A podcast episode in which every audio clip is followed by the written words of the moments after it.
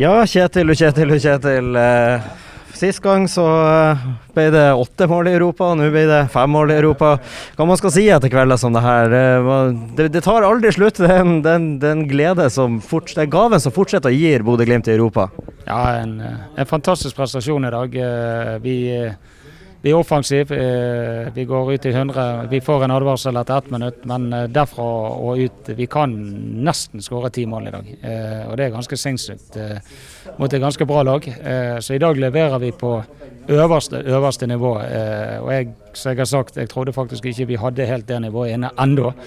Men desto gøyere og mer gledelig at vi, vi klarer å levere en sånn prestasjon med fulle tribuner. og så opplevelsen i dag med det trøkket som var, var rundt kampen, var fantastisk. Ja, altså 18-0 de tre siste hjemmekampene. 16-0 de tre første hjemmekampene i Europa denne sesongen. Går, går det an å forklare det?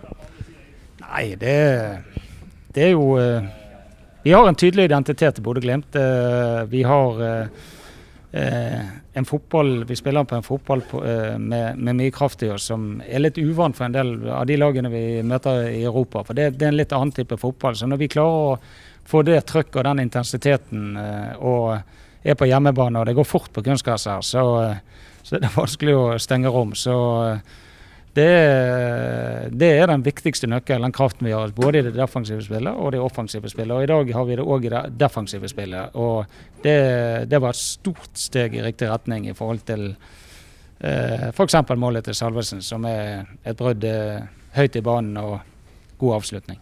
Ja, apropos eh, Lars Jørgen Salvesen, her, som for øvrig får uh, den drømmedebuten han vil ha med skåring. Eh, han har en del Bodø-supportere som, om ikke skuffa, da kanskje skjønner lite av salget av Boniface når han begynner å virkelig nå sin toppform. Da er det vel bra deilig å se at det som på en måte blir erstatteren, kommer inn og, og presenterer seg sånn for sitt nye hjemmepublikum. Ja, altså Viktor har en karriere og kommer fra litt andre kår enn vi i Norge. Han har ansvar for en stor familie. Uh, han har en skadehistorikk som er ganske alvorlig, og dette var hans mulighet. Uh, Bodø-Glimt har gjort et godt salg, og vi sitter igjen med stor pluss av det vi har solgt og det vi har kjøpt. og så handler det om for oss å oppfølge drømmer for enkeltspillere og utvikle lag. og når vi får inn en mann som han, som kan tilføre både noe uten, altså i kulturen vår og ha den sulten i seg og passe inn i måten vi tenker og spiller på, så tror jeg at uh, han viser i hvert fall i dag at det har vært ganske fornuftig. Og så helt til slutt da, den eh, klassiske 5-0 i første oppgjør. Eh, det må jo sende oss på, på, på, god vei eh, videre. Er det da den klassiske vi får tilbake her, da, at det skal spilles en kamp til, eller kan du også innse at det skal mye til nå for at Glimt ikke spiller playoff i Bulgaria eller Kroatia om tre uker? Jeg tenker vi skal tenke litt annerledes. for det at jeg tror vi kan lære av kamper i Europa, og jeg tror vi har litt å lære på hvordan vi skal håndtere bortekamper. Så la oss ta inngang i den kampen der og få mest mulig læring av den kampen.